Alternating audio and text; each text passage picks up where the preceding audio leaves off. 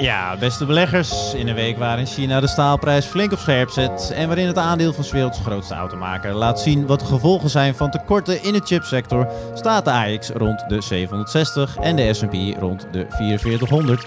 Tijd om te praten over beleggen. Dit is voorkennis. There are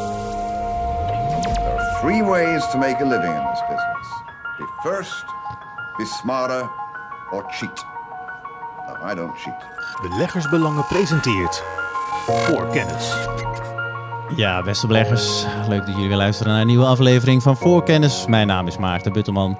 En eh, samen met beleggingsspecialisten Karel Merks en deze week ook Michiel Pekelharing... gaan we even kijken wat er allemaal eh, speelde op eh, de beurzen... en wat er allemaal gaat spelen op de beurzen. We gaan het hebben over biotech, zowel het binnen- en buitenland. We gaan het hebben over inflatie hoe je research kan doen. En we gaan eh, kijken naar eh, hout, want daar zijn eh, aardig wat beleggingen die we gaan eh, behandelen.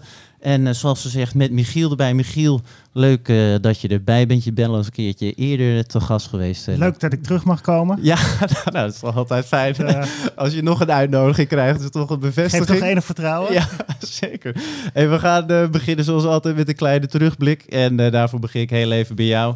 Eh, jij hebt ongetwijfeld uh, naar Adyen eh, gekeken, vermoed ik zomaar. Want daarvoor hou je onder andere voor beleggersbelangen.nl bezig. Absoluut. Sterker nog, ik heb er in juli eigenlijk al op vooruit geblikt dat het een heel mooi halfjaar zou worden. Want Adyen die doet niet aan kwartaalcijfers. Uh, waarom is het een mooi halfjaar? Nou, ze hebben natuurlijk heel veel omzet van eBay erbij. Dat was een van de deals die ze sloten bij de beurs gewoon. Dat ze gewoon een grote klant binnenhaalden. Ja. Waar kijken mensen naar de volumegroei van 67 procent? Nee, dat betekent gewoon dat ze veel meer betalingen verwerken. Uh, als je eBay weghaalt, dan is die groei meer dan 50 procent. Dus ze, ze doen het goed bij heel veel grote klanten. Het komt niet helemaal als een verrassing. Je ziet bijvoorbeeld de reisindustrie. Dat was vorig jaar voor de hand liggende redenen echt helemaal niks. En het begint nu Mhm. weer aan te trekken. Uh, ja, toegegeven, die waardering is nog steeds knijterhoog. Volgens mij betaal je iets van 200 keer de verwachte winst. Maar zolang die volumegroei doorzet, ze hebben grote klanten. Je ziet het aan eBay, dit begint nu te lopen na drie jaar. Uh, die stappen niet zomaar over. Je hebt Nee. een hele sterke positie in een veelbelovende sector. Ja, dat is, uh, het is gewoon... Michiel, je moet me toch één ding uitleggen. Want Ja? ik bedoel, ik heb ook naar de cijfers gekeken. Ze zien er fantastisch uit. En eigenlijk snap ik het nog steeds niet. Want hoe moeilijk is het om online te betalen? Ik bedoel, als je Ideal hebt van ABN AMRO, het klikken en het is verwerkt. Is het geen technologie die makkelijk te kopiëren valt, waardoor uiteindelijk de prijzen naar nul zullen gaan? Uh, op termijn zeer zeker. Uh, maar dan hebben we het over de heel lange termijn. Als je kijkt nu, want Adyen doet meer dan alleen het verrichten van die betalingen. Ze doen het op een heel veilige manier. Uh, ze doen het op een manier waarop klanten veel, inzicht krijgen. Ze gebruiken analyse technieken um, en ze hebben de snelheid. Ze hebben op zoveel punten hebben ze een klein streepje voor op die concurrentie. En waar, wat ik mooi vind aan, aan uh, Adyen's aandeel is dat zij gewoon een focus hebben. Zij zijn een pure player. Heel veel andere bedrijven die richten zich ook op de consumentenmarkt. Die doen dingen erbij. Kijk naar Square, dat gewoon verschrikkelijk veel betaalt voor Afterpay. Uh, dat is een vrij diffuus ja, verdienmodel. Adyen die doet één ding, die doen ze heel erg goed. En uh, ik zie niet in wie ze de komende jaren gaat bedreigen. Oh, ik en wilde net vragen, zo- hoe zit het met de concurrentie inderdaad eh, Ja, in die sector? Is dat er überhaupt? Nou, je hebt een paar jaar terug had je Wirecard en iedereen heeft gezien wat er daar gebeurd is. Dus dat, is, eh, dat, dat geluk hebben ze ook gehad. Maar ze zitten gewoon op de, op de goede plek nu in de groeicyclus. En het zou zomaar kunnen dat het inderdaad over een aantal maanden of een aantal jaar anders is. Ik heb eh, eigenlijk al toen ze naar de beurs kwamen, dacht ik van ja, die, die, die technologie, hoe lang heb je die voorsprong? Hoe lang heb je die moot, om dat zo te zeggen? En het wordt eigenlijk alleen maar groter, zoals ik het nu zie. Dus ik, uh, ik, ik snap, ik, ik heb dezelfde sceptisch als jij, Karel. uh, maar voorlopig ga ik niet tegen Adyen wedden. Nee, dit is Nee. een soort winner takes it all markt. Ja, want je je kan heel makkelijk leuk dat we uitbreiden. een Vintegger hebben in kijk. Nederland natuurlijk. Kijk naar Just Eat Takeaway, kijk naar dat soort bedrijven. Je hebt een, gewoon een enorme groeimarkt. En als je daar een groot deel van die markt naar je toe kan trekken, uh, dan kan je op termijn goud geld verdienen. Kijk naar uh, Google. Hoe moeilijk is het om een zoekmachine te maken? Ja, oké Michiel, maar met de, eventjes Ja, over... een zoekmachine, Take- daar, daar komt wel flink wat bij kijken als je het heel goed wil doen. Je hebt Ja. zoveel taalexperts in huis, dat eh, is ongekend. Maar ik ben benieuwd, ben ik nog voor, hoe belangrijk volume voor je? Want het neem ik aan gewoon ja hoe meer miljarden aan transacties, zoveel mogelijk transacties, absoluut. gewoon alles Daar- denk daar ik. draait het om. En dat Ja. zie je nu ook, want ze hebben bij grote partijen ook een heel hoog volume. Uh, keerzijde is, als je groot afnemer bent, uh, dat, dat gaat een beetje ten koste van de marge. Omdat die partijen dan, omdat ze zoveel volume leveren, een lagere prij- prijs bedingen. Dus het enige kanttekeningetje is dat de winstmarge niet zo mooi is als je zou verwachten bij Hmm. Adyen, eh, Mhm. gezien deze cijfers. Maar voor de rest, ja, als je ziet dat dit de reden is, dat de te snelle groei eigenlijk de reden is, zeg ik van ja, dit zijn gewoon prachtcijfers. En het is ook duidelijk wie er marktaandeel aan het verlies is. Want ik had te kijken naar die cashflow cijfers. Die liggen weer 60% hoger of zo. Ja. ten opzichte- denk Ja, ik van het ja, wie verliest er nu de traditionele massaal? banken, gewoon het traditionele betaalverkeer. Maar die gaat echt met Ja. tientallen procenten per jaar krimpt dat. En we hebben er natuurlijk al de vorige keer dat Michiel was. eh, En dat kunnen de luisteraars nog terugluisteren aan de Fintech versus Finance. een Zet beetje jij een eh, besproken. linkje in de show notes? Ik zet dan ongetwijfeld een linkje in de show notes. Karel, ga even verder eh, naar jou. We hebben je al gehoord, eh, gelukkig vast, vaste deelnemer van deze podcast. Waar heb jij allemaal naar gekeken deze week? Ik heb gekeken naar alle trends die ik volgde. En wat bleek, elke trend bereikte weer een nieuw hoogste of nieuw eh, laagste stand afgelopen week. Spannend. Ik wil er twee benoemen. Eentje daarvan is de Amerikaanse Economic eh, Surprise Index. Deze index kijkt naar het verschil tussen de gemiddelde analistenverwachting en de werkelijke uitkomst van cijfers. Deze is al eh 13 maanden aan het dalen. Afgelopen mei werd de nul bereikt. En dat betekent dus dat de economische cijfers precies gelijk zijn aan de analistenverwachting. En gisteren kwam, eh wat de index altijd één dag achter, min 36 op de borden. Dus dat betekent dat per saldo de analisten te enthousiast zijn.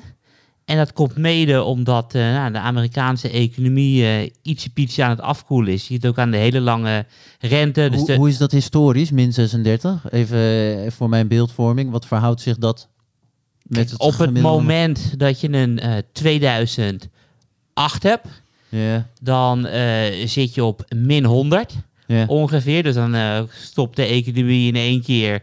En dan Oké, zijn we op min oké. 100. En op het moment dat je een pandemie hebt en je doet in één keer een lockdown, dan ga je richting de min 150, min 180. Oké. Dus dat zijn al een beetje de uitslagen. Dus min 36, dat valt ook wel, eh, wel tegen.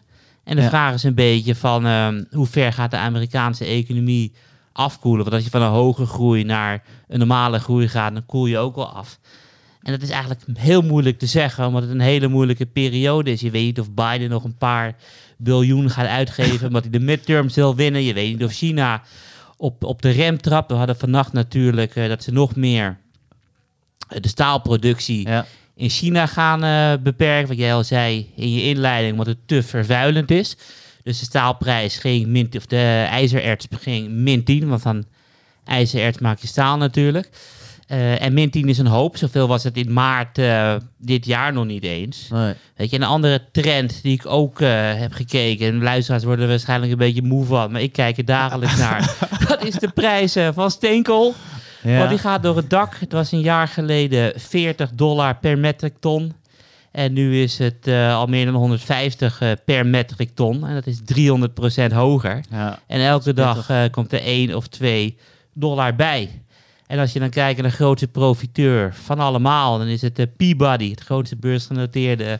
Je blijft het volgen. Klopt, vorige week kon ik melden plus 1500% nu sinds de Amerikaanse Ja, maar dat, verkiezingen. wel, van welk niveau? Die waren bijna failliet, staat me bij, de Peabody. Nou ja, die waren bijna failliet. eh, in, de, in de zin van dat iedereen dacht van...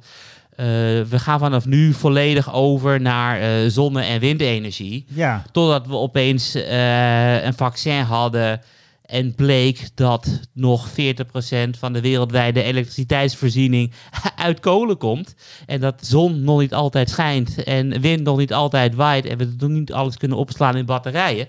En sindsdien vertrekt de kolenprijs. Het komt vanaf echt een heel laag niveau. Hoe lang is het woordje nog dan eh, in deze context? Dat je zegt van ja, dat we het nog niet kunnen voorzien van wind en energie. Wanneer is dat, eh, tot tenminste, hoe interessant vind jij dit om te blijven volgen? Is er een punt qua Heel- prijs? Heel, heel erg interessant. Want ik bedoel, je zal volgend jaar zien dat eh, in sommige landen al de elektriciteitsrekening eh, verdubbeld is. Ja. Ja. En de vraag is van als de elektriciteitsrekening verdubbelt en je zit, bent al minima, hoe kijk jij dan uit tegen alles verduurzamen? Misschien brokkelt het dan wat steun af in de samenleving. En dat is het moment. We zijn nu in Europa dat Frankrijk zegt kernenergie zo schoon als maar kan, want het stoot niks uit. Ja. Duitsland zegt het is zo vies als maar kan. Wij gaan lekker weer kolen verbranden. Maar op het moment dat er eh, eh, afbrokkeling in de samenleving is. Misschien gaan we dan wel weer over Nou, ik naar verwacht wel, kernenergie. verwacht wel dat politici hier wat aan gaan doen. Ik, ze hebben die eh, Europese Green Deal, je kunt die niet opeens los gaan laten. Ik denk, verwacht dan eerder een stroom aan subsidies. Sterker nog, vorig jaar hebben we iets van 750 miljard aan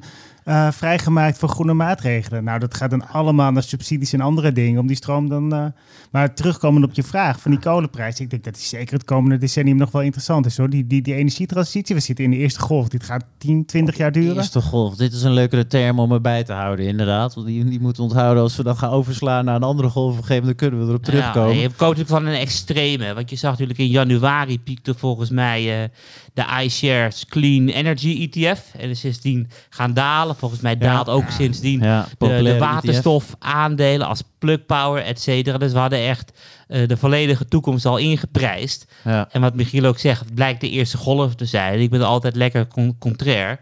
Alleen het begint nu wel een beetje Ja, maar Karel, vervelend te nog- worden. Maar, nog- maar jij geeft Heel mij nu kort nog, gelijk. heel kort Dat nog, weet jij nog twintig jaar terug met, met het hele internet gebeuren, dat er ook een bubbel was. Hoor jij nog wel eens wat van het internet? Eh, eh, nee, maar op het moment dat jij in het jaar eh, 2000 het aandeel. Cisco kocht voor 81 dollar.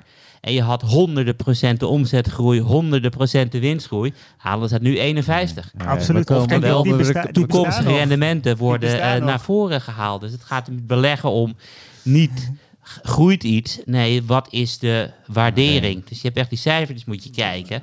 En ik heb het gevoel dat niet iedereen die cijfertjes krijgt. Waardoor je die extreme krijgt van kolen in november. En clean energy Ja, in januari. jaar, ja. En het leuke van stijgende beurs is dat steeds meer beleggers naar de beurs gaan. Maar je gaat eerst zoeken wat groeit. Dat koop je. En waarderen leer je pas als je een keertje keihard onderuit bent gegaan. Nou, over waardering gesproken, daar komen zo ongetwijfeld ook nog een keer goed op terug. Ik ga nog heel kort even met jullie allebei, eh, waar jullie voor blad mee bezig zijn geweest eh, deze week. Daarna gaan we snel verder met eh, de hoofdonderwerpen, want het zijn ook een, eh, een aantal fijne onderwerpen. Maar Michiel, jij hebt over India geschreven. Even binnen nou, een half minuutje als het kan. Waarom moeten beleggers hier naar kijken? Ik, ik vond het een heel leuk artikel. Ik zet hem voor de luisteraars ook in de show notes. Het, is, het is gewoon heel gaaf om te zien wat er in India gebeurt. Aan de ene kant heb je een beurs die helemaal door het dak gaat. En aan de andere kant heb je een land wat een beetje in opkomst is. Het is eigenlijk al heel lang. Als in China een brug gebouwd wordt, dan gebeurt het binnen drie maanden. In India doen ze er tien jaar over. Dat is aan het veranderen. Uh, en wat, wat, nu gebeurt is dat de Indiase beurs een gigantische boost krijgt. Omdat iedereen wegrent uit China en kijkt naar andere opkomende markten. En omdat die lokale beleggers op de beurs duiken. Je ziet allemaal IPO's, je ziet die koersen daarvan door het dak gaan. Ze hebben een sterk momentum. Voor de komende maanden denk ik, nou, dit kan zomaar even doordenderen. Op de lange termijn is die waardering gewoon wat hoog om weer terug te komen op waardering. Ho, ho, dat ben ik niet met jou eens. Wacht even, ik moet even ingrijpen. Michiel. Ik bedoel, ik ben een groot voorstander uh, van uh, de Cape. Het is de gemiddelde winst van de afgelopen tien jaar gedeeld door de huidige koers. In India was die in 2007 was 60. Ja. En nu is hij 30. Vergeleken met andere landen in de wereld is 30 nog steeds hoog. Maar we zijn wel 50% lager gewaardeerd dan, dan 2007. Maar ik kijk dan naar de andere landen. En als je kijkt vergeleken met emerging markets, normaal is die premie zo'n 40%. Nu is de premie 70%. Dus het is... Het is uh, maar het is wel leuk, jullie zijn allebei, want jij bent op de korte termijn nog redelijk positief. Jij hebt nog voor de iets langere termijn ja, volgens mij. Op de zeer lange termijn, over 30 jaar moet je absoluut India hebben. Okay, die, die, gaan, die gaan uh, Amerika, die gaan China allemaal naar de kroon steken. Als je die bevolking ziet. Die bevolking groeit als een gek. Kijk Weet je hoe jong China, die bevolking is? Kijk je wat er in China gebeurt. Kerstboom. Ja, absoluut. Die kunnen ja. nog een hele slag maken op die S-curve. De opkomst van de middenklasse. Uh, als we Want er is, zijn er ook, dan blijven we toch iets langer bij het onderwerp doen, zo direct iets korter. Maar uh, ik ben benieuwd, zijn er ook sectoren in India? Ik kan me bijvoorbeeld voorstellen dat IT heel groot is daar, door IT alle outsourcing. Ja. Je ziet nu heel veel wat uh, gedreven wordt eigenlijk door de lokale consumptie, dat, dat boomt. De grote zwakte van India is dat ze gewoon heel erg grondstofafhankelijk zijn. Ze moeten kolen om weer terug te komen, uh, moeten ze allemaal importeren. Olie moeten ze importeren. Dat is de zwakte van de economie. Hm. Uh, op de lange termijn is het wel een mooi beeld. Als we hier over 40 jaar weer zitten, dan denk ik wel dat we kunnen terugkijken op een prachtige periode voor Indiase aandelen. Kijk eens, als we hier over 40 jaar wist, nou, dat zijn toch zo, zo ook leuke vooruitzicht. Karel, we gaan ook nog even naar jou toe. Want waar heb jij mee bezig gehouden met het blad uh, deze week? Ik heb me bezig gehouden met alternatieve indices. Het artikel hm. is nog niet gepubliceerd, komt pas uh, volgende week als verhaal van de week. Want je kan natuurlijk gewoon een aandelenindex kopen op basis van, nou ja, uh, de S&P 500 bijvoorbeeld. Hoe groter het bedrijf, hoe groter de weging. Maar je kan ook op allerlei alternatieve manieren wegingen eh, maken. Eentje daarvan, die heel vaak in deze podcast terug is gekomen, is de S&P gelijkgewogen index. Dus waarvan elk aandeel 0,2% meeweegt. Dus Apple weegt nu, eh, wat zal het zijn, ruim 6%. Microsoft ruim 6%. Die wegen allebei 0,2. Dus dan heb je gelijk gewogen. Je hebt bijvoorbeeld de fundamentele index. Dus hoe belangrijk is het bedrijf in de reële economie? Dan wordt er gekeken naar bijvoorbeeld omzet, boekwaarde, et cetera. Ja. Eh, Momentum Index, volgens mij eh, vijf of zes afleveringen geleden. Je koopt gewoon wat de afgelopen zes maanden het snelst gestegen is. En je hoopt dat het door blijft, eh, blijft een hele gaan. leuke index. En je hebt eh, de buyback index. En al deze indices, als je het vergelijkt over een periode van 30 tot 50 jaar, want 50 jaar is de langste test die ik eh, gezien heb, die presteren allemaal beter dan de S&P 500. En dat komt omdat eh, er zelden een zeebel in komt. Bijvoorbeeld, Oké. we gaan weer terug naar het jaar 2000. Ik bedoel, wat is een zeebel? Een zeebel is niks anders dan de waardering heel hard stijgt. En daardoor de weging ook heel erg stijgt. Een voorbeeldje van Cisco. Eh, Heel kort nog dan. Cisco woog 8% mee in 2000. Ja. Maar ja, al die indices wordt die uitgetrokken. Eh, behalve de momentum index. Maar ja, als Cisco crash gaat hij een half jaar later er ook nog uit. En omdat je elke keer die zeebellen ontwijkt, zie je dat op de lange termijn het rendement van die alternatieve indices eh, hoger is dan de S&P 500. Dus ik heb een onderzoekje gedaan. Ik heb mijn favoriete indices uitgezocht. Nou, en natuurlijk een, eh, En als je er zo naar ETF. kijkt, waar zit nu dan de index? Zijn dat waar de FAANG-aandelen?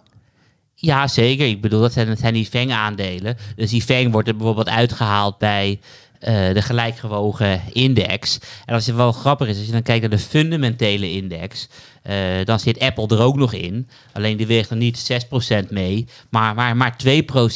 En Tesla wordt er bijvoorbeeld eh, uitgemieterd. Maar die zit wel weer in de momentum index. Dus dat soort dingen is wel... eh, Goed, maar ik denk dat wij te veel ouwe hoeren. Wat Maarten, ik, zie, ik zie ik zo aan de tijd kijken van... Ja, er moet, er moet nog een A4-tal hoofdonderwerpen eh, voorbij komen. En die zijn net zo leuk als dit gesprek.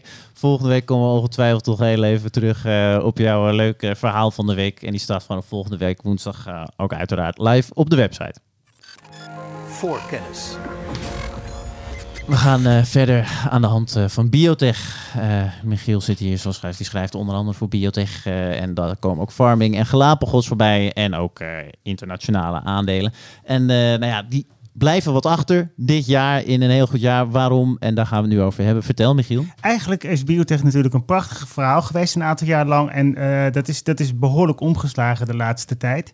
Het beste voorbeeld van hoe dat gebeurd is, is Galapagos. Eh, die hadden een prachtig middel, vergotinib, ehm, tegen, tegen reumatische gewrichtspijn. Alles ging prima, prachtige beurswaarde. En wat gebeurt er nu? Ze hebben 5 miljard in kas. De beurswaarde is 3,2 miljard. Dus je kunt eigenlijk, eh, als je het aandeel koopt, koop je een zak geld die groter is dan de beurskoers. De voor de hand liggende verklaring is natuurlijk dat, dat eh, de Amerikaanse eh, FDA, de toezichthouder, het middel eh, geblokkeerd heeft. Ze kunnen het niet onder de huidige Ja, Ja, regels daar begonnen de introduceren. koersdaling ook destijds. ja, en daarna is er nog misgegaan bij verschillende onderzoeken. Wat er gebeurd is, is dat Galapagos het vertrouwen volkomen verspeeld heeft. Je ziet nu een heel negatieve nieuwsstroom. Koersdoelen worden neerwaarts bijgesteld. Hmm. Ehm, de winstverwachting gaat omlaag, de cashburn gaat omhoog. Want ze zijn al bezig om een gigantisch verkoopapparaat op te bouwen in eh, Europa voor Vergotinib, waar het middel wel eh, geïntroduceerd kan worden, wat ze ook zelf zouden doen. Daar hebben ze een prachtige zak geld voor gekregen van de ontwikkelingspartner Gilead Sciences. ja. Eh, straks hebben ze een heel mooi verkoopapparaat en eh, één product om er doorheen te zetten.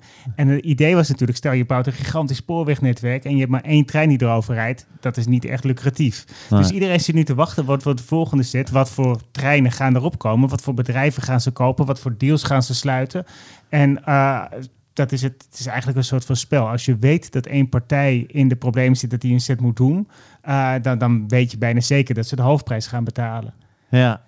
En daar zijn beleggers nu bang voor. En daardoor is het aandeel, nou, inmiddels van wat is het op de top 200, zeg ik even uit mijn hoofd. Nou, inmiddels 60, 70, eh, wat, eh, 50. 50. ah, kijk eens aan. Want ik laatste las ik een Deutsche Bank artikel, die was voor het eerst, die zei van nou, beleggers beginnen nu te sceptisch eh, te worden. Is dat, zijn heb- we op dat moment? Ik heb het advies onlangs verhoogd naar houden. Hm. Eh, het punt is, je mist een zekere trigger. Omdat ze een paar onderzoekstrajecten die, die veelbelovend waren, die zijn, eh, die zijn tegengevallen. Wat heb je nu? Je hebt dat phase 1, phase 2 onderzoek op het gebied van onder meer psoriasis en andere ontstekingsaandoeningen. Maar Mhm. dat gaat nog heel lang duren voordat je daar inzicht in krijgt. En zolang dat inzicht ontbreekt, kijkt iedereen naar het risico. Want hoe, ga je daar, hoe ga je daar als belegger mee om? Dat lijkt me van deze sector sowieso al voor beleggers belangrijk. Die, je bent heel afhankelijk van die resultaten van die studieonderzoeken. Absoluut. En dat stuurt eh, eh, de resultaten van het bedrijf, dus ook van het aandeel de- enorm. Hoe ga je daarmee om? de verwachtingen stuurt het heel erg. Want je hebt ook bedrijven. ehm, eh, nu maak ik even een heel kort uitstapje naar het buitenland. Ja, graag. Eh, wat daar gebeurt is dat de FDA veel kritischer is geworden de laatste tijd. Dat is te zien eh, bij Galapagos, maar meer bedrijven die hebben gewoon middelen die echt zekerheidjes leken. Die gaan opeens niet door. Mhm. En een van de bedrijven waarbij dat gebeurd is, en wat ik hier ook wel graag vertippen, wat ik eerder al heb gedaan, is Exelixis. Die maken een uh, Carbometics, dat is een In de microfoon. Jo, dat is een me- middel tegen bepaalde vormen van nierkanker die eigenlijk al als eerste middel worden ingezet. Want heel Ja. vaak heb je iets van als iets niet werkt, dan is, wordt het als tweede of als derde eh vangnet ingezet. Maar dit, dit, dit middel is op de markt. Ze verdienen er goud geld mee. Volgend jaar of over twee jaar hoogstens wordt het een blockbuster met een miljard euro omzet. De koerswinst van volgens mij volgend jaar is iets van 15, 16 prachtig goedkoop aandeel afgestraft omdat dus een bredere inzet van het middel uh, ja, doorgestreept werd door de FDA. En Ja. op die manier ontstaan er wel mooie instapmomenten. Maar je moet heel veel geduld hebben, terwijl vroeger ja, alles schoot omhoog. Ja, want ik denk, dit, eh, even als ik me goed herinner, heb jij dit aandeel getipt in een artikel. Eh, die zal ik dan ook Klopt. wel even in de show notes zetten. Maar Ja. dat is biotech aandelen voor 2020. Ja, En dat is daarvan nu ja, nog jouw favoriet. eh, ex- kan je Ja. nog één keer de naam herhalen? Want het gaat Exelixis. Exelixis, oké. De ticker is EXEL. Oké, oké. Nou, die houden we voor de luisteraars er ook sowieso altijd in. Ik zet eh, het artikel even in de show. Dus even terug naar farming. Want dan ben ik ook nog benieuwd naar ook een andere Nederlandse speler. Wat is daar het verhaal? Want ook die blijft achter, toch? Die blijft ook achter. Hetzelfde eigenlijk als met Galapagos, alleen dan minder heftig. Ze hebben gewoon te weinig fantasie momenteel. Best beleggers zien niet hoe de omzet kan gaan groeien. Pas eind volgend jaar hebben ze een middel wat mogelijk goedgekeurd gaat worden. Mogelijke marktintroductie. Deniolizib, zeldzame aandoening. Ze richten zich helemaal op, op zeldzame aandoeningen. Uh, Ruconest, hun belangrijkste medicijn, is ook tegen eh erfelijk angio-oedeem. Dat is ook een heel zeldzame aandoening. Ze hebben een prachtig eh, verkoopapparaat in Amerika, wat ja, Galapagos eigenlijk in Europa aan het opbouwen is. Goh, ik voel bijna een eh, samenwerking aankomen tussen de twee. Nou, het is, richten zich op compleet verschillende eh, markten. Hè. Je, met- je, je, de, de kracht van farming is eigenlijk dat ze een heel goede band hebben met hun klanten, met hun patiënten. Ja. En eh, ja, Galapagos moet het gewoon nog op gaan bouwen in Europa. En het gaat veel meer via, via verkooporganisaties dan echte eindpatiënten. Die, ja, en dus dat- dat, eh, maar, maar het punt is gewoon hetzelfde probleem. Eh, je hebt een heel groot spoorwegnet en er rijdt Ja. nu één middel overheen. Er kan veel meer overheen rijden. Hoe ga je dat aanpakken? ja. En eh, ja, daarom kijkt iedereen ook naar farming. Ze hebben een notering gekregen in de Verenigde Staten eerder dit jaar. Ze zeggen rapporteren in dollars.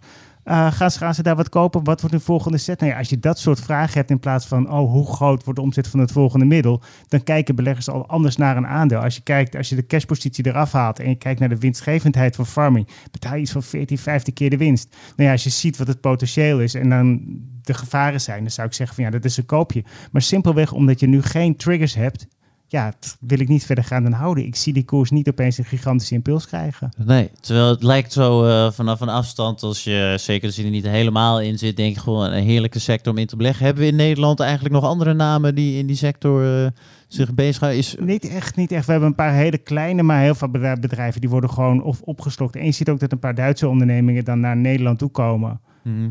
Uh, maar dit, dit zijn eigenlijk wel de twee biotech aandelen. Het is wat dat betreft doodzonde dat Crucell een aantal jaar geleden is, uh, is overgenomen. Want dat was echt... Uh, dat had Wie een... heeft die ook alweer over? Is dat Johnson Johnson Johnson? Ja, is toch meer dan een eh, paar jaar, Michiel? Ja, oké. dat, uh, Wat dan? Wanneer, wanneer, hoe lang is het ik niet, geleden? maar het zal voor 2015 geweest zijn. 2000, 2005, 2000 rond die tijd. Ja, ja, Ah, 15 oké. Jaar terug. 16, ja. Toen was de podcast nog helemaal niet populair, jongens.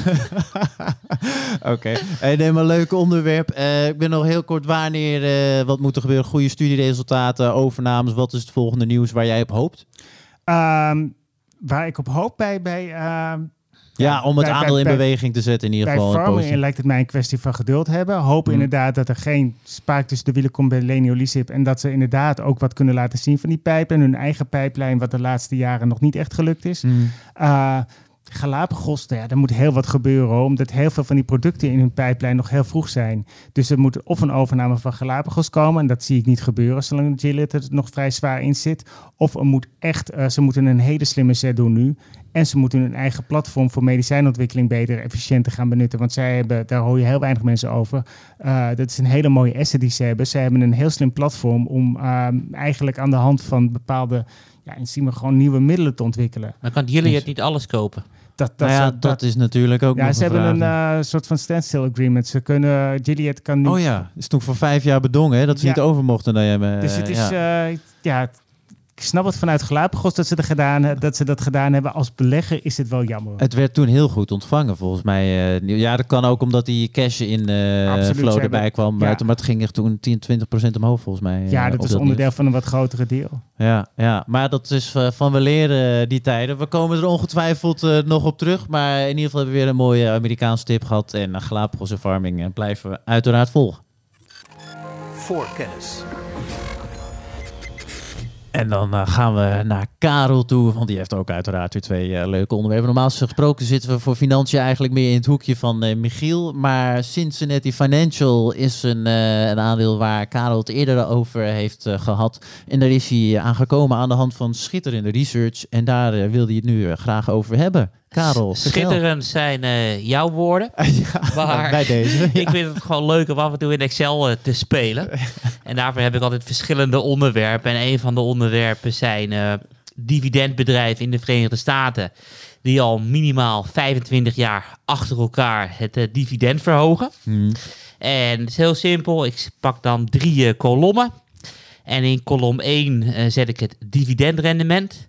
Denk dat het belangrijk is dat op het moment dat het dividendrendement heel laag is, is de waardering hoog. En wanneer het dividendrendement eh, ehm, heel hoog is, et cetera. Alleen, dat geeft natuurlijk wel weer een probleem. Eh, dus in de tweede kolom zet ik de dividendgroei. Want dividendgroei zegt iets over hoe hard het bedrijf eh, wel niet groeit. En het derde criteria is de payout ratio. Het is de verhouding tussen de, de winst ehm, en het dividend. En dat Ja. zegt iets eh, of je dividend überhaupt houdbaar is. Want als je meer uitkeert dan dat er winst is, dan gaat het heel snel op. ja. Alleen, er is een- geen enkel bedrijf wat in elke drie van die kolommen extreem goed scoort. Dus een paar voorbeelden. Ik bedoel, als je dan kijkt naar een van de laagst gewaardeerde dividendaandelen op basis van dividendrendement, dan is het de olie major ExxonMobil. Mhm. Dividendrendement van eh 6,3% per jaar. Dat is echt heel erg hoog. Alleen op dan naar de tweede kolom gaat, dividendgroei, dan heeft dit bedrijf eh, over de afgelopen vijf jaar 3% per jaar dividendgroei gehad. En dat is bijna helemaal onderaan vergeleken. Dus je ziet vaak als je goed scoort in de ene kolom, dan scoor je weer slecht eh, in de andere kolom. Mhm. En uiteindelijk eh, uit deze ranking had ik een winnaar. Het was General Dynamics. Het bedrijf draait hartstikke goed. Ziet er Michiel- allemaal fantastisch uit. Alleen als je, als je denkt van ik ga dit bedrijf kopen, dan kan je het bij bijna geen enkele Nederlandse broker eh, vinden. Omdat ze niet alleen defensie-industrie is, maar ook nog de meest foute afdeling van de defensie-industrie. En zeg het maar, Michiel. Cheap for a reason, ja. Ja, clusterbommen. cluster. Dus ik bedoel, clusterbommen, dat willen we niet in Nederland hebben. En zij maken clusterbommen. Ja. Dus die valt af, de nummer 1. Uiteraard volg ik wel eh, dat aandeel eh, voor het rendement, omdat ik gewoon nieuwsgierig ben hoe al die analysemethodes eh, werken. Mhm. Maar de winnaar, zoals Maarten alweer eh geklapt, hè, is Cincinnati Financial. En eh, nou ja, 5,6% eh, dividendverhoging over de afgelopen vijf jaar gemiddeld. Een dividendrendement van 2,2. En ze betalen 1 tiende eh, van de winst uit. En waar ik nieuwsgierig naar ben, omdat ik altijd onder, omdat ik altijd nieuwsgierig ben naar nieuwe aandelen en hoe kan je ze vinden, heb ik aan Michiel de vraag: hoe vind jij nieuwe aandelen? Dat is van alles. Je leest, je inderdaad ze nu, en dit wat jij ook doet, gewoon zo'n mooi Excel-sheetje erbij pakken en even het rekenen slaan. Maar wacht even, keren ze slechts 10% van de winst uit? Ja, 12,6. Afgerond aan Dit 1 is tiende. verbazingwekkend, want meestal als ik kijk Je naar de... kende het niet eh, als ik het Ik zo heb er wel eens over gehoord, Ja. maar ik, ehm, ik, ik ken de banksector vrij goed. En wat je Ja. ziet wat daar is, dat, dat, dat eh, meestal de payout ratio tussen 40 en 60 procent ligt. En ik weet nog in de, tijdens de kredietcrisis dat sommige banken heel trots melden dat ze eh, een eh, payout ratio van 110% hadden. Ja. Waardoor eigenlijk toen al alle alarmbellen zouden moeten gaan rinkelen. Maar het verbaast me dat Klopt, het maar, dat, maar dat is wel wat grappig. Want op het moment dat je dan kijkt naar... eh Zanetti, die staat gewoon lekker op een all-time high. Ja. En op het moment dat jij gedurende een crisis het dividend kan verhogen... Ik bedoel, zullen ze in Nederland zullen ze dat nooit doen. eh, dan heb je een probleem. Maar op het moment dat die cijfers gewoon blijkt dat het houdbaar is... Ja. Kijk, daarvoor kijk ik ook zo graag naar die dividendaandelen. Omdat eh, in dividendaandelen komt zelden fantasie terecht. Het is niet dat je hoopt op een elektrische batterij die werkt of wat dan ook. Het zijn gewoon werkelijke, werkelijke cijfers. bestaande bedrijfsmodellen vaak in volwassen sectoren. Het enige punt is, eh, was er niet in die, halverwege de jaren negentig een eh, grote Amerikaanse bankencrisis? En is het niet toevallig dat je net die 25 jaar kijkt, dat ze daar net buiten vallen? Als je 30 jaar gekeken had, dat het er heel anders had uitgezien? Nee, ja, ik moet even kijken waar Zanetti Dat is een zit. leuke vraag. Eh, en ik weet niet wanneer ze zijn begonnen met het dividend verhogen. En ik denk dat jij verwijst naar de saving en loan crisis tussen 90 en 92. Ehm, V- Heel, heel kort voor deze, want ja, ik was eh, toen een goede vier, vijf jaar oud eh, toen dat allemaal gebeurde. Is dat met eh, die bank die omviel, die Buffett uiteindelijk gered is, of is het een ander? eh, nee, nee, Buffett was eh, 2008. Met waar- Goldman. waarin die nee, Goldman maar daarvoor hele nog had hij toch een keer Bearing. eh, Nee, je bedoelt eh, long-term capital, Ja. waarin de Nobelprijswinnaars dachten dat ze de wereld konden voorspellen. en de ben ik- Azië-crisis er en tussendoor de. Azië-crisis in 97, wat meteen omsloeg in, eh, in de roebelcrisis. En die Nobelprijswinnaars hadden alles goed. Alleen ze hadden nooit in een model kunnen programmeren dat Rusland zou zeggen van ja, we hebben geld zat, maar om de rest van de wereld te pesten, boeken we even wat staatsschuld af. En dat afboeken van het staatsschuld heeft bijna het hele financiële bestel eh, naar beneden gekregen. dus daar verwijs jij naar. Oké, ja. Want wat was die begin eh in de jaren negentig, heel kort, eh, Michiel, die, die bankencrisis die toen in Amerika Ja, dat was die was? savings and loan crisis. Toen inderdaad opeens heel veel banken in de problemen kwamen. En eh, ja, je hebt eens in de zoveel tijd die regionale banken. Dat is een heel ander beest dan de banken die wij hier eh, eigenlijk kennen. Ja. En eh, die zijn vooral afhankelijk dan van die lokale Amerikaanse economie. En kijk, zijn, je, zijn kijk, er daar veel van in de Amerika, die regionale banken? Die Ja. eventueel een beursnotering? Ja, want, bijna te zeggen minimaal honderden, misschien wel duizenden ja, bankjes. want je hebt, elke ook- staat is natuurlijk Ja. bij wijze van spreken net Klopt, zo groot. maar als het, kijk, daar kunnen banken ook eh, failliet gaan. Dus af en toe Hmm. hoor je dan op zondag eh, dat jouw bank is samengevoegd met een andere bank ja, op maandag, weet je. En het moet wij- voordat de boel op maandag open gaat, moet het eh nou ja, geregeld officieel zijn. is het eh, zondagavond moet alles eh, opgelost zijn, want dan gaan de financiële markten open in Azië. Ja. Maar, Hey, maar even terug, terug naar het onderwerp. Ik was benieuwd, want je zegt 25 jaar is jouw criterium. Wat is het ook alweer van eh, de Dividend Kings in... eh, dat is 50. Oké, En dan heb je de, de Johnson Johnson zitten daarin van deze wereld. oké. En, en nog even jou, Michiel, om Karels vraag eh, op terug te komen. Wat is, jouw, wat is jouw favoriete maniertje om op nieuwe aandelen uit te komen? Als je er echt eentje moet uitwijzen, ga je dan het... eh, Karel die heeft een keer, wat zei je toen een keer, het, eh, het concurrentieverslag van eh, bedrijven doornemen in eh, de Ja, jaarverslagen. De risicoparagraaf. Ja, de ik- risicoparagraaf. Ik lees heel veel. En een van de leukste dingen die ik dan kan lezen hierover zijn eh, soms ook wel de eh, portefeuilles van beleggingsfondsen. Als je ziet bepaalde fondsen die een bepaald thema heel slim bes- bespelen, dan kijk je welke, eh, welke posities nemen ze in, welke posities hebben ze verhoogd. En dan zie je daar vaak al ontstaan, omdat die, ja, die tips worden nog niet meteen gedeeld, die houden ze voor zichzelf. Maar voordat dat dan naar buiten komt, dan kan je in die fondsverslagen eigenlijk al zien wat, het er, eh, wat er gebeurt. En ze nu dan ook dat ik zelf een thema heb en dat ik denk van ja, wacht eens even, welke bedrijven zijn hier groot in? Ja, Ja, deze dacht- week natuurlijk heel interessant is. Een ander thema van mij is beleggen met de Noorse slag. Dus ik kijk naar de Noorse Centrale Bank om te kijken wat zij allemaal doet. Ja, Weet je, zij hebben natuurlijk onlangs een, een aandelenbelang in Europa hebben ze, eh, eh, verlaagd. Eh, om geloof ik 16 procentpunt meer te beleggen in de Verenigde Staten. En vooral in technologiebedrijven. Dus Hm. dat vond ik, vind ik fascinerend eh, wat zij allemaal aan het doen zijn. ja dat zijn eh, leuke instellingen En om te ik, ik hou ja. ook van Excel-bestandjes. En zij hebben 10.000 verschillende aandelen in het portfolio. En die 10.000 aandelen kan je gewoon downloaden op de website van het Noorse Staatsfonds. En het is leuk om daar eventjes eh, doorheen te bladeren. Oké, nou, dat is weer genoeg research voor de luisteraars in ieder geval om in te duiken. We gaan verder. En jij voor de show notes. ja. Voor kennis. Ja, in eh, de show notes deze week 10.000 Excel-bestanden die eh, de luisteraars kunnen bekijken. dat gaat er niet worden. We gaan verder eh, naar het volgende onderwerp. En dat is in dit geval boshout, hout, boshout. Het, je hebt recent, Michiel, een artikel over geschreven. En ehm, ook voor jouw stuk over CO2 van een tijdje geleden. Ik zal ze beide nog in de show notes zetten. kwamen een aantal namen voorbij. Ehm, het leefde bij ons op het forum. Daar kwamen een aantal vragen ook naar voren. En laten we beginnen met van even waarom moeten beleggers hier naar hout, boshout kijken? Is het het, is niet zozeer boshout, het is bosgrond. Want het mooie is, eh, dat hout, dat haal je er vanaf en dat plant je dan weer en dan groeit het vanzelf. Ik eh, moet terugdenken, de eerste keer dat ik ervan hoorde was in 2000. Toen was ik op vakantie bij mijn familie in Nieuw-Zeeland. En mijn oom vertelde daar dat hij zijn eigen pensioen moest regelen. Dat deed hij door een stuk grond te kopen, dat te beplanten. En met bomen die dan rond zijn pensioendatum gekapt zouden kunnen worden. En dat was dan zijn opbrengst. geweldig. En eh, ik was er toen vrij sceptisch over. Inmiddels snap ik het ook. Ik heb ook met eh, de, de eh, fondsbeheerder gepraat van Pictet Timber. En die heeft mij af, ja, helemaal uitgelegd hoe dat werkt. Want je kunt gewoon bomen planten. Als je ze na een paar jaar al ophangt, op, omhangt, heb, je- heb je er gewoon een klein dun boompje. Dat kan je gebruiken voor papiersnippers of andere dingen. Dat wordt in verpakkingen verwerkt. Je Hmm. kunt hem laten staan en hoe groter die wordt, hoe meer die waard wordt. En dat is ook het mooie van dit soort bedrijven, die bosgrondbedrijven.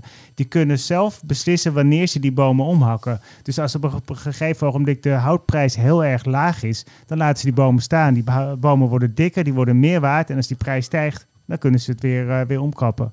Ja, En op die manier bespelen ze het eigenlijk. En het groeit, ze herplanten het. En je ziet nu, eh, ja, het is niet voor niks dat ik ze in een duurzaam artikel eh, noem, dat Mhm. hout steeds meer gewoon de, eh, eigenlijk de grondstof van de toekomst wordt. Ja, want daar was ik ook benieuwd naar van welke, wat, wat, wat nu bijvoorbeeld nog ja, andere grondstoffen voor wordt gebruikt, waar wordt in de toekomst over vijf of tien jaar wordt daar hout in de plaats van Bovenaan, gebruikt. helemaal bovenaan staat natuurlijk de, de hele bouwsector. Ja. Als je kijkt naar hoeveel CO2 er vrijkomt bij de productie van een ton cement of een ton steen, dan scheelt dat eh, verschrikkelijk veel. En het mooie is, hout neemt ook CO2 op. En zolang Mhm. je dat hout niet afvakkelt, dan blijft die CO2 opgeslagen. Dus dan heb je eigenlijk per kuub heb je 2 ton CO2 wat je kan besparen door met hout te bouwen in plaats van de traditionele bouwmaterialen. Je ziet hier in Amsterdam het gebouw ook HAUT, dat is een mooie woontoren aan het water. Ook voor een groot deel met hout gebouwd. Je ziet architectenbureaus ja, het gewoon steeds meer omarmen als, ja, als bouwmateriaal. En eh, er zijn verschillende manieren waarop je eigenlijk op die trend kunt inspelen. Ja, vertel. Ik heb eerder al heb ik, eh, genoemd, ehm, dat was Stora Enso die dat doet, en UPM Chemine. Dat zijn allebei het zijn dat Scandinavische bedrijven die eh, alle, zowel bosgrond hebben als technologieën ontwikkelen om met die hout nieuwe producten te maken. En in mijn meest recente artikel over CO2-uitstoot heb ik gefocust op de echte bosgrondbedrijven. De bedrijven die dan niet die technologieën hebben. Mhm. Die hebben gewoon een stuk bos en die kunnen in de toekomst zelfs mogelijk betaald worden om al, alleen maar dat bos te laten staan, te laten groeien en wel op het goede moment op te kappen. Want als je dat doet, dan kan je nog meer CO2 opslaan dan wanneer je alleen maar zo'n bos laat staan. En je hebt natuurlijk meerdere artikelen geschreven, zeg Ja. je net. Ja, En een logische vraag die meteen op het forum eh, te- kwam. Michiel, topartikelen. Maar van al die artikelen, als je er eentje, als je er één Ja, moest uitkiezen, welke Ja. moet ik dan hebben? Ik zal heel even de namen opnoemen voor degene die uh, geïnteresseerd Onder andere kwamen voorbij, en ik, ik ga je niet vragen een favoriet aan te noemen hoor, maar dat ga ik wel is doen. Stora Ensa, UPM, Axis, Acadian Timber Corporation, Ryanair en Catchmark Timber en Weilhauser. Ik weet niet precies hoe die laatste moet uitspreken, maar het zijn zeven namen. Sowieso leuk voor de luisteraars om even naar te kijken. Welke ken je, welke ken je niet, welke zijn interessant, Ik welke ken heb je allemaal. Axis is een vreemde eend in de bijt. Die hebben geen bosgrond. Die hebben simpelweg een technologie om hout om te zetten in Mhm. eh, bouwmateriaal. Eh, wat meer speculatief dan de rest. Van de andere aandelen, ik vind Ryanair vind ik een fantastisch aandeel. Dat is eigenlijk, als ik er nu eentje zou moeten kopen, zou dat dan waarschijnlijk worden. Simpelweg omdat zij de meeste pure play zijn op eh, bosgrond. Heel veel andere bedrijven hebben activiteiten daarnaast. Denken bijvoorbeeld om ze vertimmeren het hout in eh, bouwmaterialen voor eh, ja, gewoon van die bouwplaten. Of ze maken er papier van of iets anders, maar ze, ze verwerken het enigszins. Ryanair heeft dat nauwelijks. Dat is echt eigenlijk puur bosgrond. En alleen daarom al, als je kijkt naar hoeveel CO2 ze eh, besparen, eh, per, ja, per, per gerelateerd aan de beurswaarde, Mhm. staan, zij, eh, staan zij bovenaan. Andere, twee, ja, de top drie wordt eigenlijk daarvoor gemaakt door Stora Enso en UPM. Die zijn allebei ook wel Europese aandelen. aantrekkelijk gewaardeerd. Geldt niet voor Ryanair, maar verkijk je daar niet op. Want die, ja, je moet eigenlijk op de free cashflow letten bij die bosbouwbedrijven. In plaats van de winst. Die kan heel sterk schommelen afhankelijk van wanneer ze verkopen, wanneer ze bos kappen enzovoort. Ja. Eh, kijk naar die free cashflow, kijk naar het dividendrendement. Dan, dan, dan vind ik Ryanair echt de toppen binnen de sector nu. Ook qua, qua dividend voor de dividend, dividendbeleggers luisteren ons. Ja. Die eh, biedt het mooiste perspectief eh, daarmee. Ja, Oké. dividend We- weet je wat voor, waar ik ook nieuwsgierig naar ben, wat voor controle er plaatsvindt ehm, in die wereld? We hebben natuurlijk dat Chinese bedrijf gehad, wat ook in hout deed, maar ze bleken helemaal geen bos te hebben. Ik bedoel, is er een accountant die de bomen telt? Nou, je hebt geen. eh, bij mij weten heb je niet een aparte accountant die die bomen telt. Bij mij weten heb je natuurlijk wel natuurlijk de sociale controle. En wat, wat, wat ehm Ryanair ook goed doet, ze hebben eerder dit jaar het eerste duurzame verslag eh, gepubliceerd, wat ze door een accountant hebben laten nalopen. Hoeveel bomen ze hebben, hoeveel CO2 dat opvangt, dat hebben ze allemaal laten controleren en nalopen. Dus daar is wel degelijk eh, kennis daar. En bovendien, die mensen van eh, dat Pictet Timber Fund, die vliegen de hele wereld rond met frisse tegenzin. Omdat Oh, die het zelf de bomen. ja. En dit, dit, zijn, dit zijn echte, die, die, die zijn zo duurzaam. ehm, die, Dat ze eten, de wereld rondvliegen. ja. die eten zelfs geen vegetarische hamburgers als ze te veel vlees maken.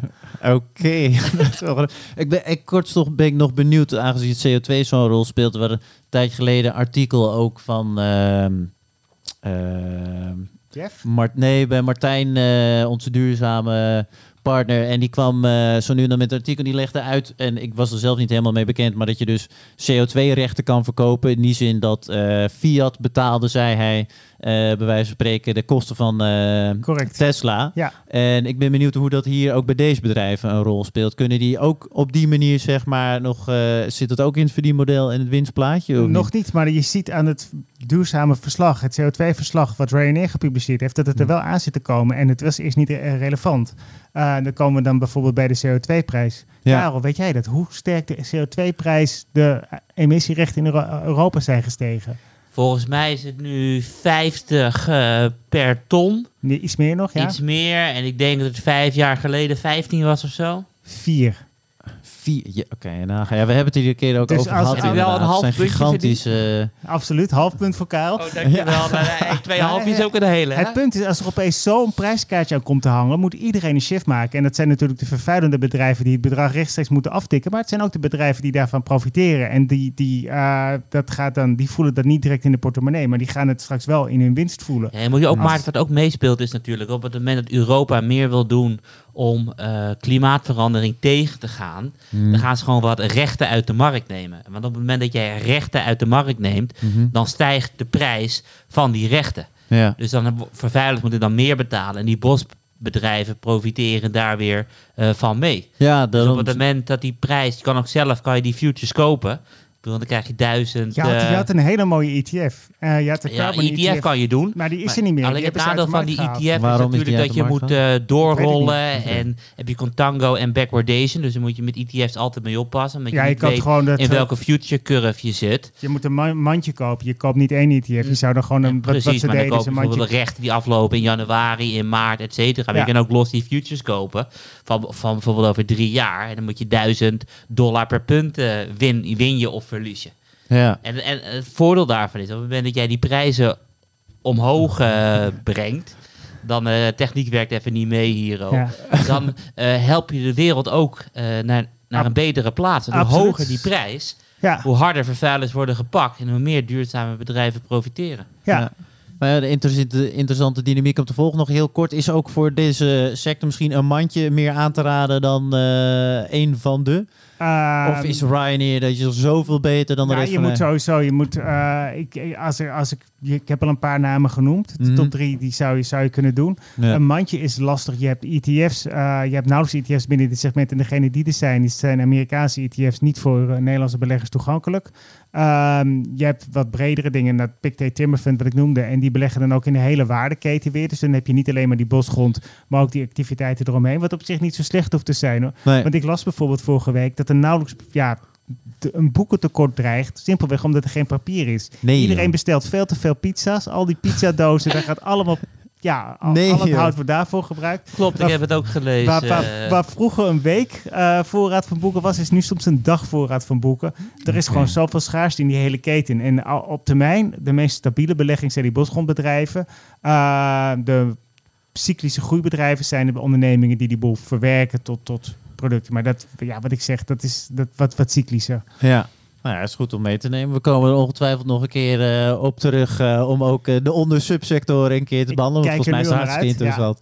Nog heel, heel kort, want het is ook een, een, voor de, de duurzame toekomst bij wijze van spreken. Hoe hoog staat deze in het lijstje van jullie favoriete in te spelen op duurzame beleggingen? Hoe bedoel je? In welke... nou ja, stel je moet bijvoorbeeld, ik weet dat nikkel is een, eh, een hele interessante belegging eh, om vanwege duurzaamheidsaspect naar te kijken. Ja, maar dit Sta- gaat, staat dit deze gaat- echt in de top 3, top 10? Bij Of- mij wel. Dit gaat, dit gaat vrij snel komen. Ik denk, verwacht hier binnen twee jaar hooguit dat er meer aandacht komt. Nou heb ik wel vaker het risico gehad dat ik iets te ver op trends vooruit loop. Maar de- deze beweging vroeg of laat gaat die, gaat die er komen. Oké, nou is goed, we gaan het volgen. We hebben onze trendwatcher eh, voor de volgende keer weer terug. Tijd om verder voor kennis. Naar het eh, laatste onderwerp en dat is eh, in dit geval eh, inflatie. Eh, want ja, goed, dat, eh, dat is dodelijk voor het rendement. Dat eh, weten we inmiddels. En Karel wilde er toch nog heel even naar kijken, ook aan de hand van een bedrijf. En dan gaan we nog even kijken wat daar nu allemaal weer speelt op het gebied van inflatie. Karel, vertel. Ja, klopt. Ik bedoel, we wisten natuurlijk allemaal eh, dat er eh, twee maanden van inflatie zaten aan te komen. Dat waren uiteraard eh, de maand eh, maart 2021 en de maand mei 2021. Vanwege de base-effecten, vergelijken met een jaar terug, deflatie. En daarna zou het transitory zijn. Dus de inflatie zou weer eh, verdwijnen. En dat moment is nu wel aangebroken dat het zou moeten verdwijnen. Want als het nu niet verdwijnt, dan is het niet meer transitory. Dan is het gewoon iets blijvend. En blijvende inflatie is zoals jij zegt al eh, desastreus voor aandelen. En als je dan kijkt vanaf data vanaf 1900, dan zie je dat aandelen dus echt slecht gaan presteren wanneer de inflatie gewoon een tijd boven de 4% is. Dus we hebben nu een aantal maanden gehad van ruim 5%, maakt op zich niet uit als het maar weer eh, verdwijnt in de herfst. Mhm. En ik gebruik altijd als voorbeeldje eh, Coca-Cola. Waarom? Want op het moment dat je een glazen bol had in de jaren 70 en je mocht het mooiste bedrijf eh, mocht je uitkiezen, dan was je waarschijnlijk bij Coca-Cola uitgekomen. Want naast de Verenigde Staten waren ze ook eh, de rest van de wereld aan het eh, veroveren. Ze draaiden geweldig, maar tussen 1970 en 1979 steeg de omzet met 210% En eh, de winst steeg met eh 186% En de dividenden gingen over deze periode met 172 eh, procent omhoog. Kijk je naar de CPI, dus Consumer Price Index over deze periode in de Verenigde Staten, dan was eh, de inflatie eh 103% Dus eh, alles ging eh, beter omhoog eh, dan de meer omhoog dan de inflatie. Maar ja, in de jaren in 1970 was de aandelenkoers 30. En in 1979 was de aandelenkoers eh, nog steeds 30. En nou, gecorrigeerd voor die 100% eh, inflatie, je dus op een eh, dik verlies. Maar is het niet een relatief goede performance? Want ik weet nog wel dat die periode, dat decennium, echt rampzalig was voor aandelen. Klopt, het is een, da- daarom heb ik het ook gezegd. Ik heb gewoon met een glazen bol Ja. het best presterende bedrijf uitgekozen, wat al eh, dramatisch is. Want als je bijvoorbeeld kijkt, wat ik Ja. al als voorbeeldje geef, de Dow Jones bereikt als eerste 1000 punten in eh, 1966. En we stonden nog steeds op 1000 punten in 1982. Met Ah. hoge inflatie tussendoor. Ja. Corrigeer je dan voor inflatie. Dan gingen de aandelenprijzen in 1982, die waren hetzelfde als in 1910. Vanwege al die inflatie de waarde had weggevaagd. Alleen mijn idee is dus van als er inflatie komt, Ja, wat moet de belegger eh, dan doen? ja. En, eh, Als het niet transitory als het eh, niet blijft. transitory Nee. is. En je moet dus gaan nadenken van wat als dat gebeurt. En ik denk dat bijna niemand nadenkt wat als dat gebeurt. Omdat we de afgelopen 30 jaar, 40 jaar eh, dalende rentes tussen 1982 en nu is de rente alleen maar gedaald. Dat we alleen maar deze periode kennen. ja. En ik vind dat beleggers hierover na moeten denken. Bosgrond. Kijk, eens aan. hè. We hebben een schitterend bruggetje. Klopt, bosgrond is er één. En de afgelopen maanden probeer Wat, ik... wat, wat is de link precies met eh bosgrond en inflatie? Wat, Nou ja, wat, reële assets. Sorry, wat zei je? Oh, Reële assets. Oké. Dus ik bedoel, je kan een dollar kan je bijmaken. Je kan geen stukje grond bijmaken. Dus reële assets zullen omhoog gaan als bijvoorbeeld eh, bosgrond. Ja, oké, helder. Vastgoed en der- dergelijke. Dat, Klopt, eh, alleen ja. met vastgoed kan je nog de punt maken van ja, wat voor een vastgoed. Maar zou je met deze coronacrisis een real estate willen hebben bij Manhattan? Nee, ja, dat, eh, ik, ik weet eigenlijk niet hoe de markt er daar aan toe is. Maar Nou, mensen trekken New York uit. Het staat heel hard onder druk. En de vraag is of zij weer vijf dagen naar kantoor gaan of minder. Nee. Waarschijnlijk wil iedereen minder naar kantoor. Dus ik zou met eh, bedrijfsruimte heel erg oppassen, Maarten. Oké, maar goed, we hebben dus reële assets. oh, reële assets, ik ga er meteen een Amerikaanse geloof ik eh, van maken. Maar reële assets, dat is dus een dingetje. Stel, inflatie eh, neemt niet af, het niveau het is blijvend. Wat zijn daar nog 4%. meer voorbeelden van? En zijn er misschien ETF's, Nou eh, ja, je hebt specifieke hele- aandelen waar jullie aan denken? Je hebt hele duidelijke, eh, bijvoorbeeld eh, grondstoffen. Hm. Duitse bank had, heeft een heel mooi onderzoek wat het constant update. Die kijkt vanaf 1971. En die voor elke procentpunt inflatie stijgen grondstoffen met 4%. eh, vanaf die tijd gemiddeld genomen. En nou ja, eigenlijk zie je dus dat ze onder de 4% inflatie grondstoffen dalen en daarboven echt heel erg sterk stijgen. Dus afgelopen jaar ook plus 25%. Dus dat zal wel eventjes eh, dan verder doordenderen. Mhm. En je hebt natuurlijk nog de onverwachte beleggingen, die ik ook regelmatig probeer te adviseren en over te schrijven in de eh, beleggersbelangen. Waaronder van, ik bedoel, wat gebeurt er als er inflatie komt? Als er inflatie komt, eh, dan zie je dat de prijsverschillen tussen landen gaat toenemen. Oftewel, de valuta's worden eh volatieler. Eh, mensen gaan wat meer met, eh, met crypto's doen. Mensen gaan meer eh, grondstoffen kopen. Dus wie profiteert daar het meest van? Grondstofhandelaars? Precies. Oftewel de, de beurs. Ik Ja. bedoel, wat is de grootste grondstoffenbeurs ter wereld? Is de CME Group. Waar halen ze hun geld vanuit? Uh, valutacontracten, cryptocontracten, uh, grondstoffencontracten. Dat is wel een interessante dus insteek. koop, bijvoorbeeld de beurs. Want die zal zien dat die volumes omhoog schieten. Want beleggers kopen. En flow traders, een eh, soort gelijk, of, of is dat niet specifiek genoeg? Nou ja, kijk, flow traders is natuurlijk weer een, iemand die profiteert van eh aandelen, Volatiliteit. volatiliteit, et, cetera. Eh, ja, alleen dat is weer de eh, logische. Want iedereen zegt altijd meteen flow traders. Maar CME Group komt, eh, missen heel veel mensen. Of en Bosgrond ook.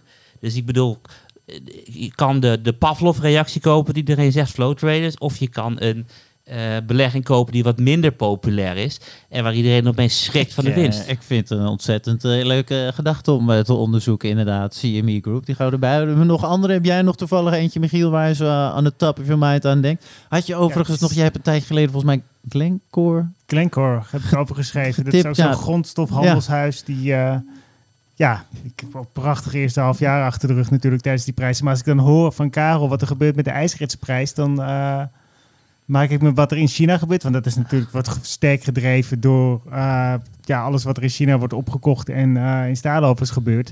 Ehm, be- zou, ik, zou ik niet nu blind in eh Glencore zo Nee, stappen? oké. Nee, maar je moet wel even jongen. Want weet je dat uit je hoofd van op het moment dat je geen staal gebruikt, wat gebruik je dan?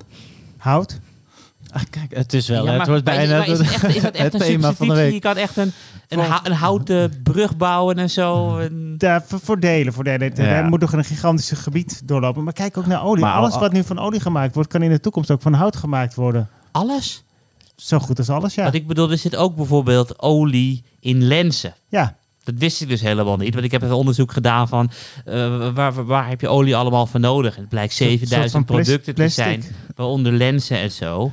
Maar dan kan, je kan toch geen houten lenzen hebben? Nou ja, het zal misschien Die- niet voor ik alles uit. Opgaan, ik maar daar, daar komen we nog op terug, eh, beste luisteraars. Maar het is een interessant. ge- En wat betreft een brug, ja, al wordt die maar voor 70% vanuit hout eh, gemaakt, dan is het natuurlijk ook al een enorme boost voor de vraag naar. Dus Ja. op zich wel een grappige insteek. Maar ja, dat is wel weer lastig. Want ik bedoel, wat ga je met dat hout doen? Laat je het groeien? Of ga je het kappen je voor kapt, een het, je brug? kapt het met een be- beleid en dan plant je het opnieuw aan. En op die manier Ja, ja, kan je veel meer CO2 opvangen dan wanneer je een bos alleen maar laat staan. Zolang dat hout niet verbrand wordt en er groeit steeds meer bij, wordt Ja. er steeds meer CO2 vastgelegd. Oké, maar we, oké, ja. En Ik vind- ik en vind een het in hele brug en Ja, Ja, zolang, als jij een mooie houten. IKEA-kast koopt en je laat hem staan, dan, dan ben je vanuit CO2-oogpunt prima bezig. Ik vroeg me al af waarom Michiel zo aan het eh, glimlachen was toen Karel over inflatie begon. Ik denk, nou, die heeft zijn antwoord al klaar liggen wat betreft eh, hout. Maar ik vind ook de CME-groep vind ik inderdaad echt een hele leuke om naar te kijken. eh, om op die manier, echt een alternatieve manier, voor mij in ieder geval, om eh, inflatie eh, tegen te gaan. We komen er ongetwijfeld op terug. Wanneer weten we hier meer van? Waar moeten we naar kijken? De inflatiecijfers uiteraard. Zijn er nog Poeh, we, andere hebben, we dingen? hadden gisteren natuurlijk de Fed Minutes op woensdag. Hmm. En daaruit bleek dat ze waarschijnlijk wel eh, eh, de steun aankopen wat gaan afbouwen. Ja, Eh, maar ja, dat is nog heel weinig toch afbouwen. Dan gaan er nog steeds gigantische bedragen in. eh, maar dat zit allemaal in de koersen Nou ja, natuurlijk. kijk, mensen kijken natuurlijk niet naar eh, wat er gebeurt nu, Hmm. maar waar we naartoe gaan. En daarnaast is de eerste afgeleide ook heel belangrijk. Dus op het moment dat de Fed aan het afbouwen is, dan is het al, eh zeg dat het gaat afbouwen, is het al een monetaire verkrapping natuurlijk. Ja. En op het moment dat het verkrapt, dan, dan daalt de inflatie. In september lopen er allemaal steunprogramma's op. Ook minder input. Dus de komende maanden zullen wel belangrijk worden. Dacht ik tot gisteren. En vanochtend zat ik de cijfers van Toyota te lezen. En Toyota zegt, ja, de problemen in, met chiptekorten zijn nog nooit zo groot geweest. Wij gaan 40% van de autoproductie mondiaal halen we eraf. Want die kunnen we gewoon geen auto's meer bouwen. Nee, bizar, en toen dacht ja. ik van ja, op het moment dat die productieketen nog zo extreem verstoord is, betekent dus dat mensen die wel producten in handen hebben, de hoofdprijs kunnen vragen. Want mensen hebben gewoon spullen nodig. Als je de hoofdprijs kan vragen, is het inflatie. Maar ja, als straks die problemen zijn opgelost, is het toch weer transitory. Dus het is toch wel een punt wat in mijn, waar ik over moet nadenken. Ja, oké. Nou, daar komen we ongetwijfeld terug. Ik vermoed dat het voorlopige antwoord in ieder geval hout is. En eh, tot die tijd eh, gaan we nog heel even vooruitblikken. Voorkennis. Heel kort, ik weet niet of jullie iets op het netvlies hebben voor komende week. Maar zijn er nog speciale gebeurtenissen op de beurs waar jullie eh, naar kijken? Mag ik deze, deze aftrappen? Mag, er ja, is zeker. één ding waar ik naar kijk en dat zijn de kwartaal- of de halfjaarcijfers van ASR. Die komen woensdag naar buiten. Ja. Uh, je hebt uh, eerder hebben we al NN Group en Ego gehad. Prachtcijfers, Ja. positieve koersreacties. Bedrijven doen het prima. Verschil is, uh, Egon is sterk in de VS, NN Group ook sterk in het buitenland. ASR is een middelgrote vis in de Nederlandse vijver en heeft ook niet de ambitie om de grens over te gaan. Hoe doen zij het? Hoe zijn zij dit als een puur Nederlandse verzekeraar dit half jaar doorgekomen? Oh ja, goeie om naar te kijken inderdaad. Karel, jij nog iets op eh, je netvlies? Nee. Nee? Oké, nou ja, dan kunnen we daar volgende week eh, ongetwijfeld op terug eh, om te kijken wat er allemaal speelde bij jou. Michiel, super dat eh, je weer de meedeed eh, deze Dankjewel week. dat ik mocht aanschrijven. Uiteraard, we hopen je snel weer een keertje terug te zien. Karel, jij ook uiteraard weer bedankt voor de schitterende deelname. En tegen de luisteraars eh, zeggen we uiteraard tot volgende week.